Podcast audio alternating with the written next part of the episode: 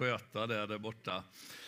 Förra söndagen så delade jag lite kort utifrån eh, bara mitt hjärta och att eh, jag, jag har hört på något sätt, Gud har berört mitt hjärta utifrån Nehemja-boken och det som står där. Jag satt på kontoret här eh, någonstans innan jul och förberedde olika saker eller, ja, under den här, de här helgerna. Och så började jag läsa skriften och, och det var, ni vet, vi säger så här, det var som om det bara stod ut. Men när jag, jag började läsa och kunde se, men Gud talar ju faktiskt till mig och, och till oss. Och, och var, vi nu, var vi nu än står någonstans, så vad är det Gud vill säga? Och jag fastnade just vid de här orden som står på väggen just nu.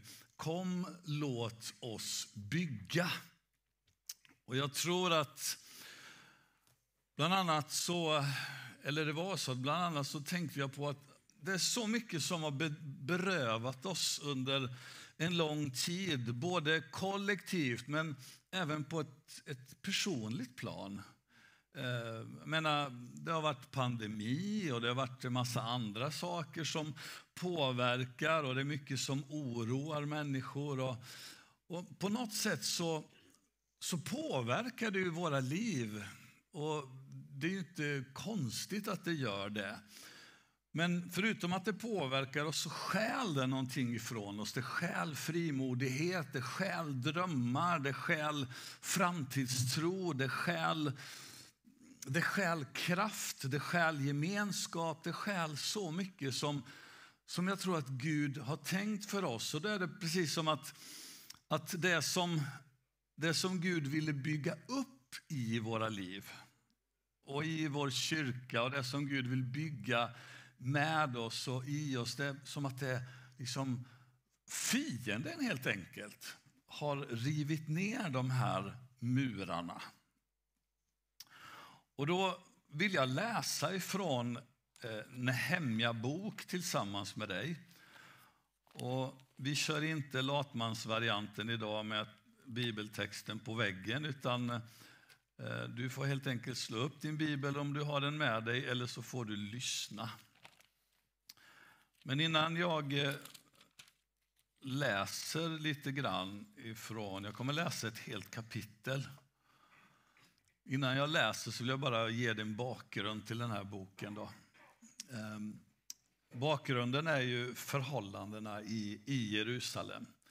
90 år efter att de första judarna hade kommit tillbaka ifrån fångenskapen i Babel ehm, kung Nebukadnessar, som man läser om bland annat i Daniels bok. Han hade ju fört iväg judarna till, till Babel och, eh, och insatt andra småkungar i, i, Jerus, i, i landet, i Israel och liksom försökt att på så sätt kuva eh, israeliterna och ändra kultur och allt möjligt. Det finns mycket att läsa om det, men eh, 90 år efter att detta sker så, så ligger nu Jerusalems murar, de är nedrivna, portarna de är uppbrända. Eh, och eh, eh, det gör att den här situationen är ju otrygg, bland annat för de som bor där i Jerusalem, som ofta angreps av rövarband och annat. Och men då, då hamnar vi i Nehemja bok 90 år efter att de första judarna har börjat komma tillbaka. Då. Och eh, Nehemja han eh, skaffar sig en överblick över situationen och han, eh, han börjar återuppbygga murarna och Jerusalems portar. Men ganska så snart så möter vi tre figurer i texten här. Och de heter Sambalat, de heter Tobia och de heter Gesem. Och det här var gamla fiender till Israel. De tillhörde folkslag som långt tillbaka när Israels barn hade erövrat det förlovade landet, landet som Gud hade lovat dem, så hade de här olika folkslagen då, de hade drivits därifrån, de hade besegrat, men de var, besegrats, men de var ju fiender till israeliterna. Och när Nehemja kommer till Jerusalem så dyker de här tre figurerna upp med dess folk då och försöker på olika sätt eh, hindra att murarna byggs upp igen. Att Guds stad byggs upp igen och Guds plan liksom byggs upp igen. Det försöker de allt för att förhindra. förhindra. De försöker skada Nehemja Eh, genom att lura, försöka lura ut honom i en dal för att döda honom. De, när inte det funkar så försöker de med med ryktespridningar. Ja, det går rykten om dig att... Och så försöker de på så sätt eh, liksom trycka ner honom. Då är vi ända fram i kapitel 6. Och de försöker inge missmod i hans liv med hjälp av fal falska profetior. De säger det här kommer att hända dig, så lås in dig i, i, i, i templet och stäng dörrarna om dig för att rädda ditt liv. Men det var bara lur, allt det där. Och, eh, alltså de försökte då skrämma honom. och och påverka på olika sätt. Så de här figurerna möter vi i texterna. Men i allt detta så talar Nehemja om att Guds hand är över mig och Guds hand är med mig. Och det är en viktig poäng att ta med oss. Och nu vill jag läsa då ifrån Nehemja bok.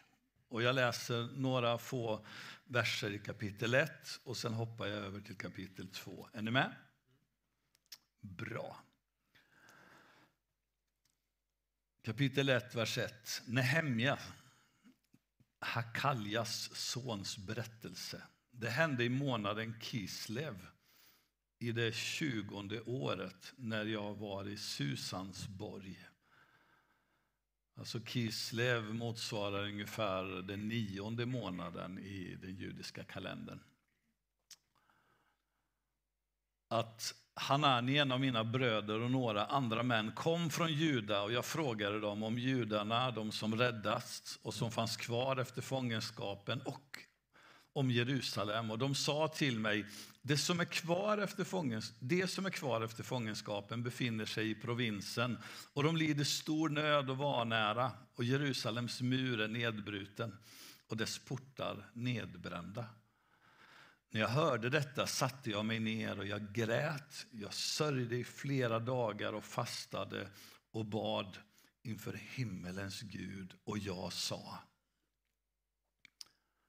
Herre, eller O Herre, himmelens Gud, du store och fruktansvärde Gud, du som håller fast vid förbundet och ger nåd åt dem som älskar dig och håller dina bud. Låt ditt öra lyssna och dina öron vara öppna så att du nu hör din tjänares bön. Dag och natt ber jag till dig för Israels barn, dina tjänare. Jag bekänner deras synder, de synder som vi, Israels barn, har begått mot dig. Också jag och min faders hus har syndat. Och så fortsätter bönen. då. Sen hoppar vi in i kapitel 2 och vers 1. Det hände i månaden Nisan. Det är alltså första månaden på året. Alltså det är fyra månader efter. Är ni med? Det hände i månaden Nisan i Artasastes 20 regeringsår då vin stod framför kungen och jag tog vinet och gav det åt honom. Och jag hade aldrig tidigare visat mig bedrövad inför honom och han frågade varför ser du så bedrövad ut? Du är ju inte sjuk. Du måste ha någon hjärtesorg. Och då blev jag mycket rädd. Och jag sa till honom, Må konungen leva för evigt. Skulle jag inte se bedrövad ut när den stad där mina fäders gravar finns ligger öde och dess portar är nedbrända? Kungen sa till mig, vad är det då du begär? Då bad jag till himmelens Gud och svarade sedan kungen. Om det behagar kungen och om din tjänare funnit nåd inför dig, så sänd mig till Juda, till den stad där mina fäders gravar finns, så att jag kan bygga upp det igen. Och då frågade kungen mig, medan drottningen satt vid hans sida, hur länge varar din resa och när kommer du tillbaka? Eftersom jag funnit nåd inför kungen och han ville sända iväg mig nämnde jag en bestämd tid för honom. Jag sa till honom, om kungen finner för gott så må han ge mig brev till ståthållarna i landet på andra sidan floden så att de låter mig fara igenom eh, sitt land tills dess jag kommer till Juda. Och ett brev, brev till Asap uppsyningsmannen över den kungliga skogsparken så att han låter mig få virke till att bygga upp portarna till borgen som hör till templet och virke till stadsmuren och till det hus där jag själv ska bo. Och kungen gav mig detta eftersom min Guds goda hand var över mig. När jag kom till ståthållarna i landet på andra sidan floden gav de kungens brev, gav jag dem kungens brev och kungen hade också sänt med, med mig härförare och ryttare.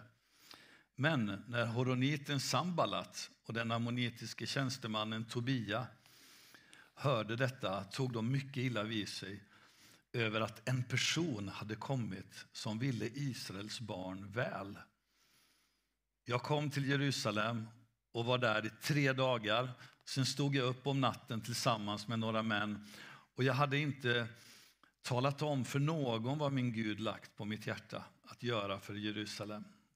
Det djur jag red på, det var det enda jag hade med mig. Om natten drog jag ut genom dalporten fram mot drakkällan och dyngporten och undersökte Jerusalems murar. De var nedbrutna och portarna var förtärda av eld. Jag fortsatte till källporten och till Kungsdammen, men där var det inte möjligt för djuret att komma fram med mig. Då begav jag mig upp för dalen om natten och undersökte muren och återvände sedan in genom dalporten och var så tillbaka. Föreståndarna visste inte var jag hade gått och vad jag gjorde, ty jag hade hittills inte nämnt något för judarnas präster, de förnäma männen, föreståndarna eller de övriga som skulle utföra arbetet. Men nu sa jag till dem, ni ser den nöd vi är i och Jerusalem ligger öde och portarna är nedbrända.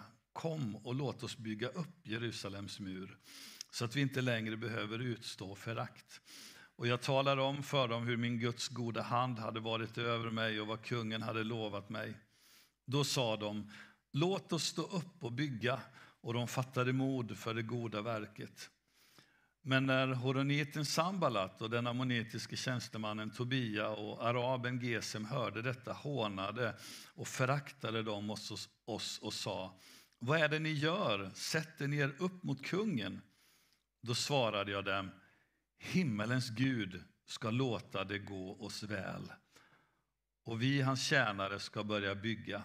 Men ni har ingen del eller rätt i Jerusalem eller anknytning dit. Jag stannar där. Herre, nu ber jag dig, låt de här orden jag förberett få tala in i varje hjärta. I Jesu namn. Amen. När jag läser de här, den här texten och den här berättelsen så är det fyra stycken steg eller saker som jag ser som Nehemja gör och som jag tror att du och jag också kan dra nytta av. Eh, både kollektivt när vi ser eh, Eh, och ser oss omkring liksom i det som gäller församlingen och församlingsbygge och att tillsammans få, få återuppbygga eller ta tillbaka eller vad man nu ska använda för uttryck av det som har blivit oss stulet.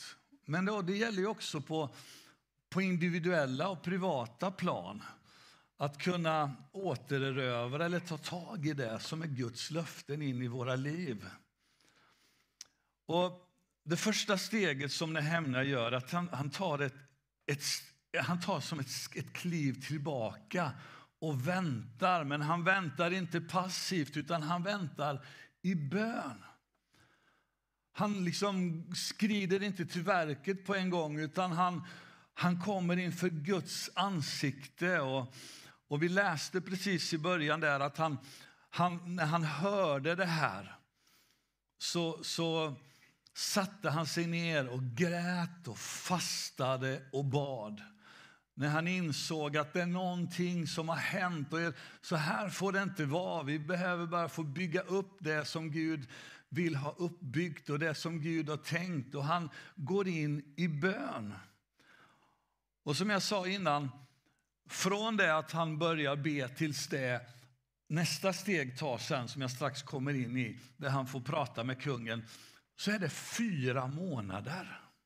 Det är en ganska lång tid, eller hur? beroende på vem man frågar i sig. För en tonåring är det en evighet. För den som har varit med ett tag i livet så kanske det inte är jättelång tid. Men det är ändå en lång tid.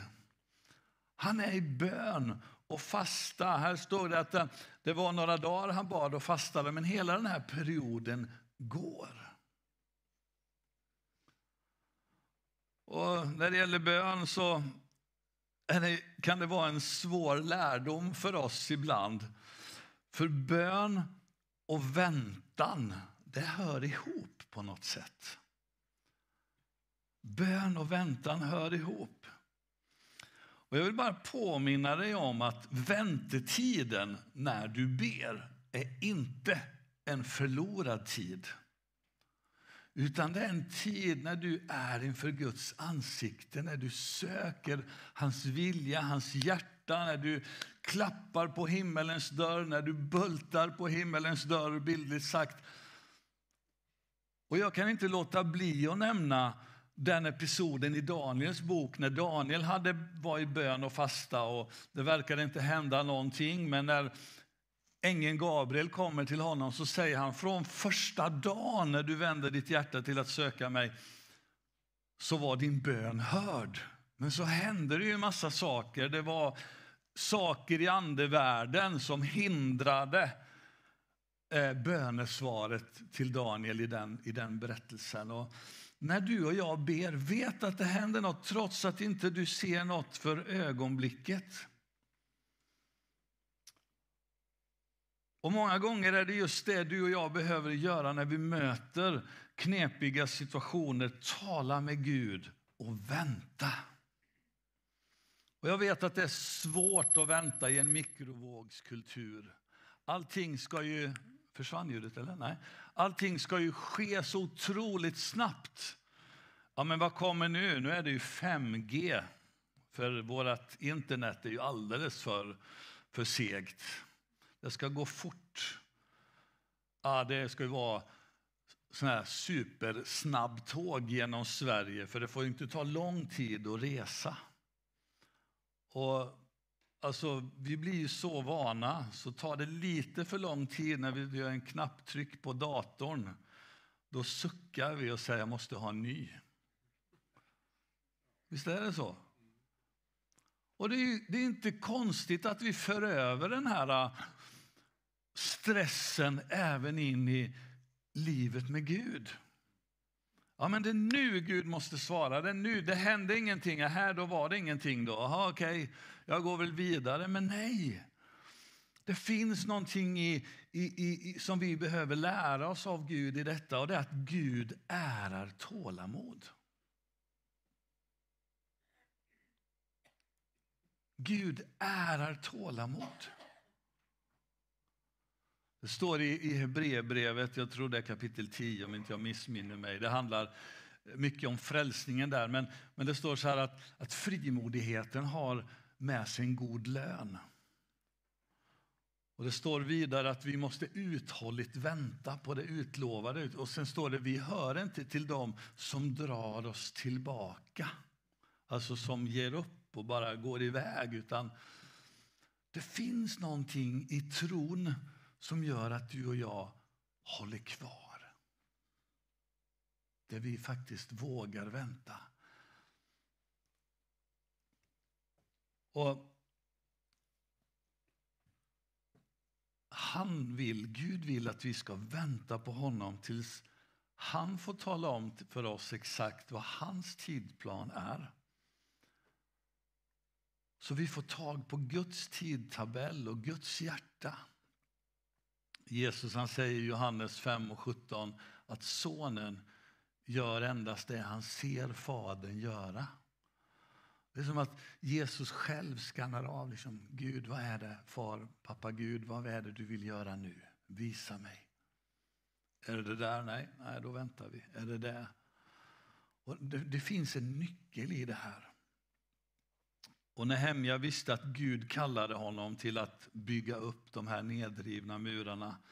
Men han visste inte i början hur det skulle ske, när det skulle ske, på vilket sätt det skulle ske. Men han tar just det här steget i bön. Och Marina sa innan, vi har två böneveckor här framöver oss, vecka 3 och 4. Kom och var med från klockan 18 till 19. Vi kommer inte lyssna på den här undervisningen från Alfa, men vi kommer bara ha en ingress kring det och sen kommer vi be konkret. Eh, så ta med en sån här folder hem också så du vet vad som händer och, och, och var med. Kan du inte vara med på plats, be hemma. Men just det här med att vänta det, och, och våga lita på Gud, det finns en styrka i det. I, i i Jesaja 28 och 16 i New International Version så står det att, att den som tror behöver inte agera i panik. Agera hastigt, står det. Så det finns en, en vila i att be och lita på Gud. Nu har jag lagt det här hos dig. Steg nummer två som jag ser i den här texten det är våga vara konkret både i din bön men när frågan kommer. Och det hände ju som sagt här i början på kapitel 2 där Nehemja får det här samtalet med kungen och kungen säger varför ser du så bedrövad ut? Du är inte sjuk, du måste ha någon hjärtesorg. Och kungen frågar, vad är det du begär?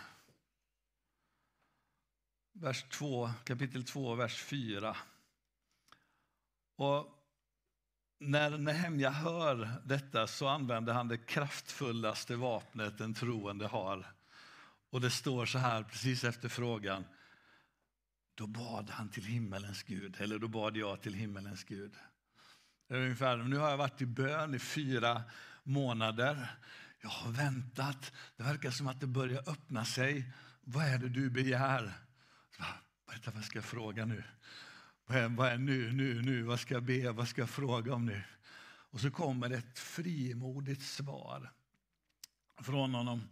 Han säger om kungen finner för gott så må han ge mig brev till ståthållarna i landet på andra sidan så de ger mig fri lejd så jag kan passera. Jag måste ju igenom det här området och där finns en massa lydkungar som säkert inte gillar mig.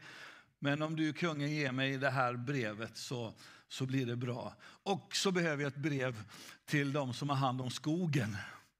För jag behöver ju jobba i skogen och ha, liksom, så de ger mig material till det jag kommer att behöva bygga och även ett hus till mig själv.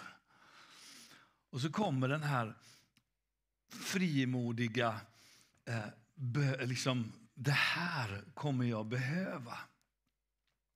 Så Nehemja han ber och han, han, han funderar. Och, Gud, vad är det du vill göra? Och när han, när han förstår att nu börjar någonting hända så är han ju frimodig i det här. Och någonstans så behöver du och, och jag också frimodighet i våra hjärtan när vi uttrycker vår önskan och det som vi behöver på vägen. Vi ska gå framåt här och då så, snälla, det här behöver jag. Och Gud vill ju faktiskt ge dig framgång. Men jag tror vi behöver ett bibliskt perspektiv för, för framgång. Framgång i det här livet är liksom hur mycket pengar du tjänar och hur bra jobb du har och allt vad du kan äga och göra, hur många resor du kan göra. Det är ofta framgång i det här livet, eller hur? Men det märkliga är ju att när man läser storyn om Josef till exempel, prins Josef, ni vet som Josef som blev kastad ner i en brunn, han blev gjord till slav. Det står om honom i i Första Mosebok 39 och 2. Att han lyckades med allt han gjorde. Hur kan det stå så? Karn var ju slav. Han var ju förkastad av sina bröder och så vidare. Det står så därför att det är Guds perspektiv och Guds bild av honom ifrån Guds hjärta. Så när du och jag mäter eller pratar om att det går bra eller går dåligt så tror jag vi behöver ha Guds perspektiv och Guds syn på vad som det innebär att gå bra eller dåligt.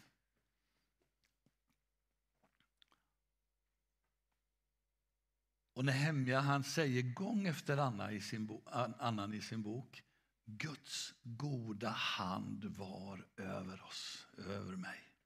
Och Du ska veta att Guds goda hand är över dig. Gud är på din sida. Den där texten som Stina sjunger den där sången i vers nummer två. Det är mycket taget ifrån Romarbrevet 8. Om Gud är för oss, vem kan vara emot oss? Om Gud friköper, fri, liksom, fri, ja. om Gud är med oss, vem, vem kan vara emot oss?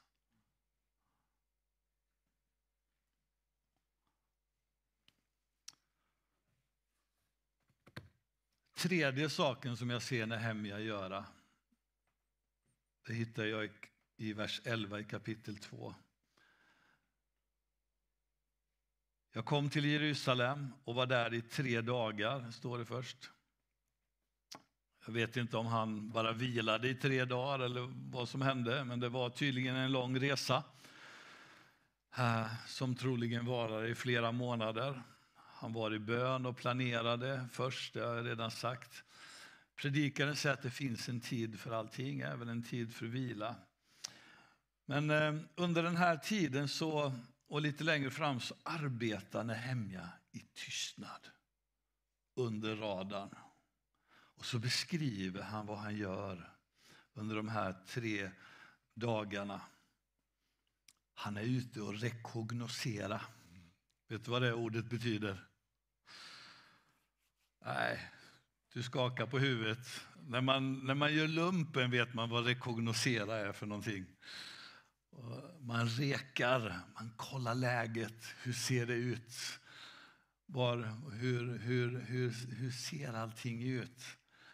När jag låg, gjorde militärtjänsten så... Ah, vi tar inte den storyn nu. Ja, tar en annan gång.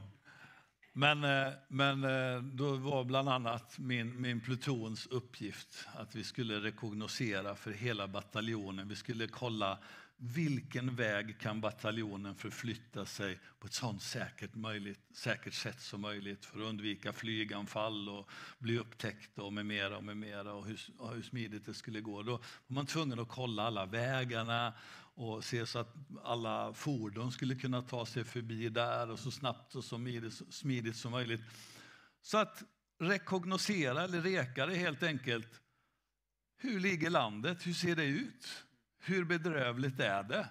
Och vad är möjligt och vad är svårare? Vad är lättare? Vad är knepigt? Och liksom, hur löser vi det här? Så Nehemja han smyger ut på, på natten och han kollar och han säger ingenting till någon, men han kollar. Hur kan det här vara? Jag är säker på att när han gick där så frågade han Gud, hur kan jag göra det här? Är det här omöjligt för dig Gud? Hur skulle det här kunna bli? Och det där, wow, här skulle porten kunna byggas upp igen. Och, och så gör vi på det här sättet och så blir det så här. Och, ah, här kommer vi behöva mycket jobb och det där blir nog lättare. Och, och så gick han där och drömde och rekognoserade. Och det här, det här är viktigt. Att ta reda på fakta och inte blunda för saker som är svåra. Har någon, har någon sett skuld, eller vad heter det? Heter det Skuldfällan? Vad heter? Lyxfällan heter det visst. Har ni sett Lyxfällan någon gång? Ja, de flesta. För dig som inte har sett Lyxfällan så är det ett program. Är, är det någon som inte har sett Lyxfällan? Hand upp. Ni är så blyga här. Ja, det är några som inte har sett det. Lyxfällan är ett tv-program då, där människor som är, har har stora skulder liksom bara får hjälp i hur de ska reda ut sin ekonomi. Och ofta är det så, nästan alla programmen, så är det så att människor de belånar sig långt över öronen därför att de har ingen koll på hur det går till, hur mycket det är räntan man måste betala och när fakturorna börjar komma så de orkar inte ens öppna dem och se vad det är, utan de hamnar i någon hög någonstans och sen blir det ju straffavgifter och räntorna blir ännu högre och, och så blir det bara ett negativt ekorrhjul. Och ibland så kan det bli så i våra liv. när vi möter saker som är tuffa. Och vi istället för att faktiskt öppna kuvertet och inse att men det här är en svår situation och ställa oss frågan hur kan jag göra någonting åt den? Så händer det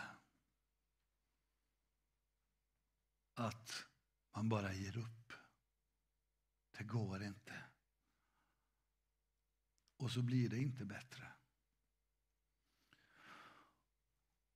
Oavsett om vi skulle se det här på ett personligt plan eller på församlingsplan så vi behöver ständigt bara se liksom omständigheter i vitögat och fråga Gud, hur gör vi det här? Hur möter vi detta? Jag älskar det här stycket i Romarbrevet 4 där det står om Abraham, trons fader. Det står att, att trots, det står att trots eller där allt hopp var ute så trodde han och hoppades och han sviktade inte i tron då han tänkte på hans kropp att den saknade livskraft. Han fattade liksom, det borde vara kört, han var jättegammal hans fru med men Gud hade sagt att ni ska få barn. Men han sträckte sig ändå efter löftet trots att han fejsade problemet. Och det är ingen verklighetsförnekelse. Utan det är att, att vända sig till Gud i allt. Och det fjärde steget, jag ska inte trötta ut er. Det är att agera. Nu, nu har jag bett. Jag har varit frimodig med, med vad jag behöver. Jag har rekognoserat. Jag har rekat nu är det dags att göra något. Och då så står det i vers, vers 17. Men nu sa jag till dem, ni ser den nöd vi är i. Jerusalem ligger öde, portarna är nedbrända. Kom och låt oss bygga upp Jerusalems mur så att vi inte längre behöver stå förakt. Och Nehemja talar till dem och lät dem som han knappt kände, han hade bara varit där en kort tid, vara med och liksom bara få dela drömmen och dela framtidsvisionen och dela det här, låt oss få bygga upp murarna igen. Låt oss få se det som liksom det Gud tidigare har gjort bara få bli återuppbyggt.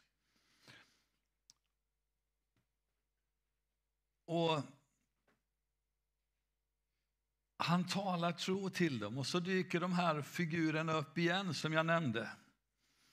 Sambalat, Tobia och Gesem. När de hör detta så hånar de och föraktade dem och sa, vad är det ni gör? Sätter ni er upp mot kungen? Och de här snubbarna de var ju rena drömdödarna. Det kommer aldrig gå. Ni vet. Men Vi behöver konstant både be Gud om tillfällen och se de tillfällena där vi kan samarbeta med Gud.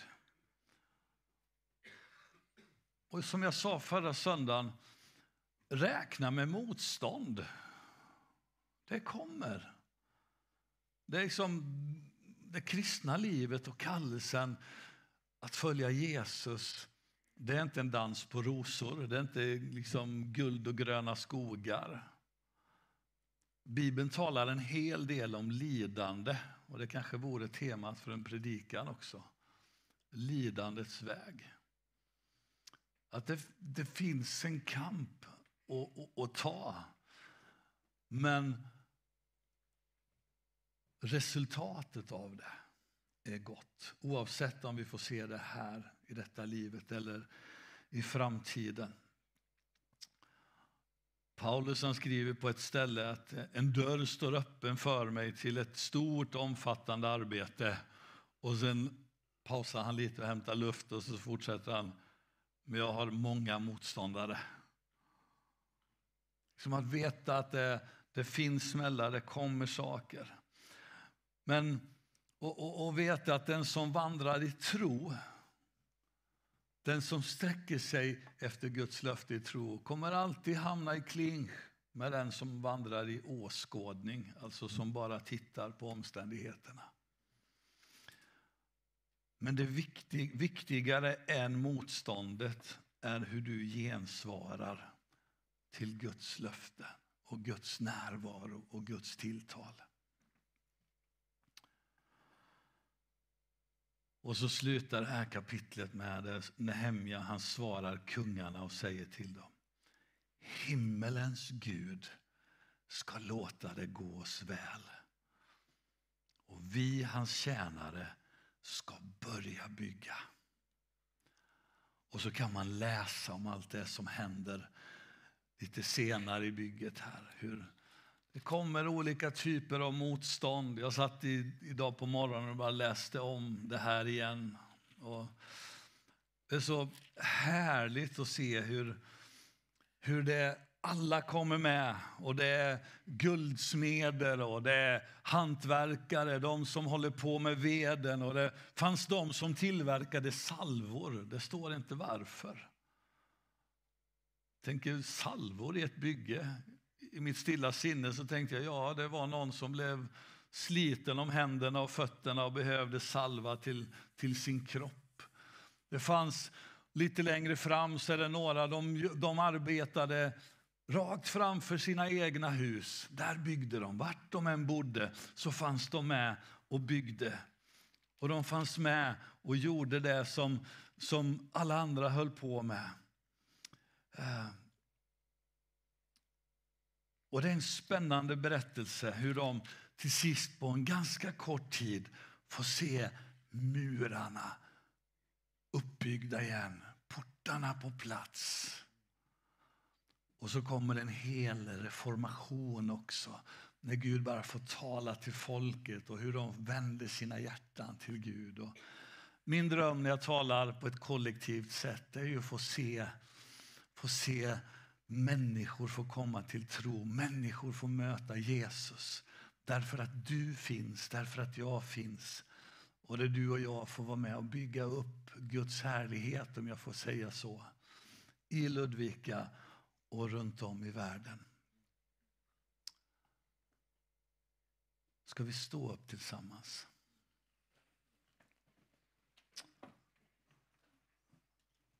Tack Jesus. Tack Jesus. Tack Jesus. Vill Du bara sluta dina ögon och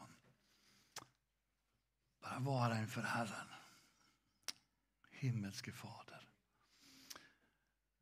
Helige Ande, välkommen.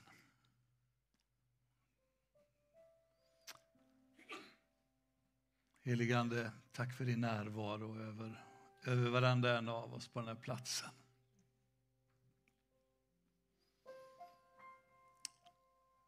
Tack Jesus. Tack Jesus. Mm.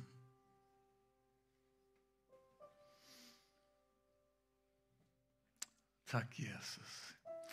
Jag skulle idag vilja bara rikta mig till dig på ett personligt plan. Jag, jag vet inte vad, vad de här månaderna eller åren bakåt här, inte minst under covid-tiden. Och vad det liksom har gjort med dig själv, med ditt liv.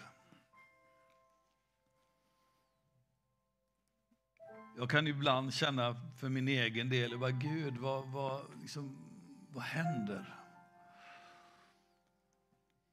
Men de här, under den här julhelgen och nyår har det för mig på något sätt varit en, en, en tid av balsam och bara få hämta styrka hos Herren. Och, och det har varit så gott att bara få, få låta ordet drabba mig och få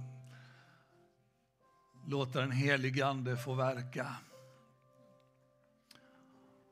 Och jag skulle vilja bjuda dig idag. Du som känner så här, men Ruben, det finns murar i mitt liv som har blivit nerraserade. Det finns områden som jag har tappat på, så att säga. Det finns, det är som att vissa portar de har bara blivit sönderbrända. Och det är som ett hån emellanåt.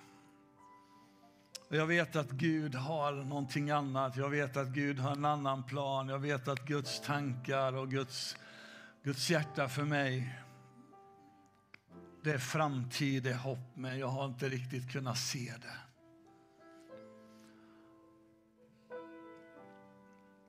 Jag skulle, jag skulle vilja bjuda dig som, som känner så här, men jag behöver det. Jag vill bara komma inför Gud med detta just nu. Och du skulle vilja ha förbön, att någon bara lägger sina händer på dig och ber för dig, bara uttalar Herrens välsignelse över ditt liv. Kanske bryter med tankar och funderingar du har gått och burit på. Bara få tala helande in i ditt hjärta och ditt sinne. Bara få tala tröst och tro och uppmuntran över ditt liv. Så skulle jag vilja ge dig tillfälle att bara komma fram här. Bara röra dig från den platsen där du står. Ställ dig här framme. Det finns förebedjare som är tilltalade som kommer till dig och ber tillsammans med dig den här förmiddagen. Jag önskar att du inte, att du inte gick hem idag utan att, att låta någon be för dig. Om det är så att du, du känner Ruben, den här predikan den, den talar rakt in i mitt hjärta. Jag känner att det här är ett, ett Guds ord som, som berör mig.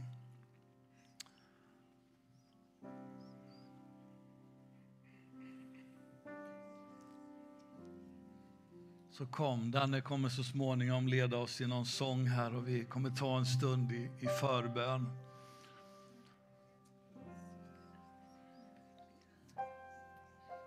Så låt inte någon tanke hålla dig tillbaka. Liksom, ah, vad ska någon tro om mig eller tänka om mig? Eller